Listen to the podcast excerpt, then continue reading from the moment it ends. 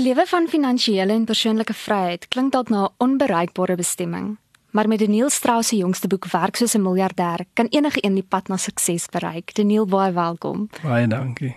So in die eerste boek het jy baie meer nie fiksie en baie meer raad wat jy gegee het in die tweede boek is meer fiksie en daar's ook 'n karakter lesers maak kennis met Dan. Was jou bedoeling om 'n karakter te skep wat baie soos jy is of is jy en Dan twee verskillende mense?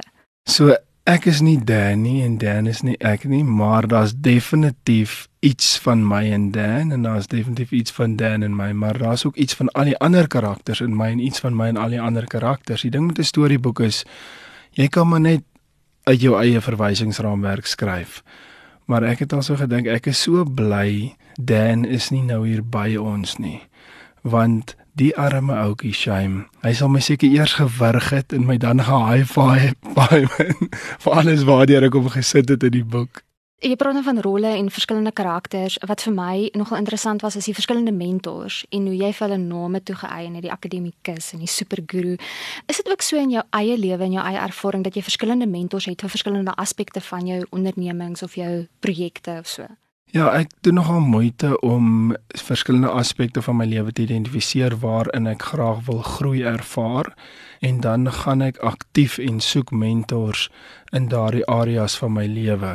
So op hierdie staan met ek 'n hele paar mentors in verskillende areas van my lewe wat totaal verskillende rolle vervul. Nou jy eerste boek het jy dadelik geweet dat jy nog 'n boek gaan skryf of het dit eers 'n bietjie later gekom? So wat gebeur het is ek het ongelooflike goeie terugvoer gekry my eerste boek. Mense het na my toe gekom en gesê, "Sjoe, so lekker maar spesifiek almal gepraat van die storieetjies en die eenvoudige manier waarop ek moeilike konsepte verduidelik het." Toe dink ek, goed, so dit was nou meer toeganklik vir 'n wye groep mense. Hoe kan ek dit nog meer toeganklik maak vir nog 'n wyeer groep mense om hierdie konsepte en hierdie denkwyse of amper verandering in denke ook te kan ervaar en dis hoekom ek toe hierdie skryfstyl gekies het. Nou my gunsteling boeke is boeke soos The Monk Sold His Ferrari, The Alchemist, Richest Man in Babylon en ek dink jy wat nou die boek gelees het kan seker agterkom is 'n soort gelyke styl. En nog iets wat jy besluit het met die boek is om dit gelyktydig in Engels en Afrikaans uit te gee. Vertel my 'n bietjie daaroor. So ek skryf gewoonlik in Engels. Ek lees net baie vinniger in Engels. Ek skryf vinniger in Engels. Dis maar net omdat besigheidstaal is Engels en dan word dit vertaal dan deur professionele vertalers na Afrikaans. Ja, in 'n geval is dit dan literatief. So hoe was dit om sommer daar te werk? Dit is so 'n groot voorreg dat iemand so sy bereid was om iets soos dit te doen. So ek is net baie dankbaar.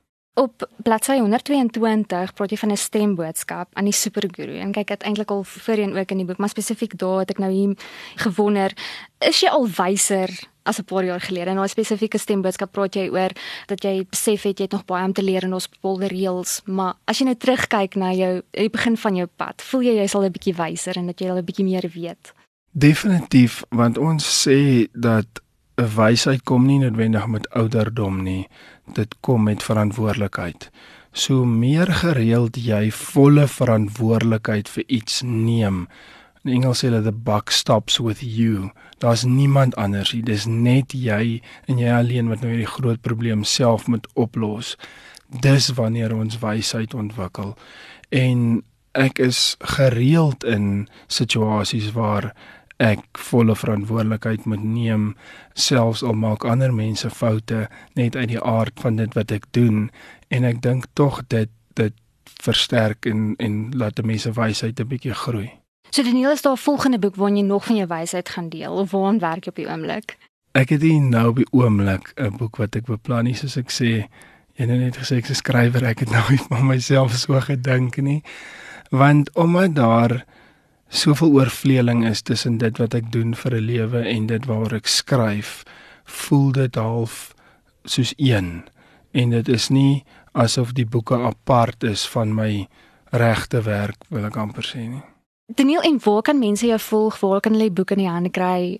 So hulle kan my volg op @officialdanielstrauss op Instagram. Daar deel ek redelik oor entrepreneurskap en oor die boek en ander lessies wat ek self nog steeds leer en dan die boek in alle goeie boekwinkels ook aanlyn op Takealot of Amazon vir die digitale weergawe.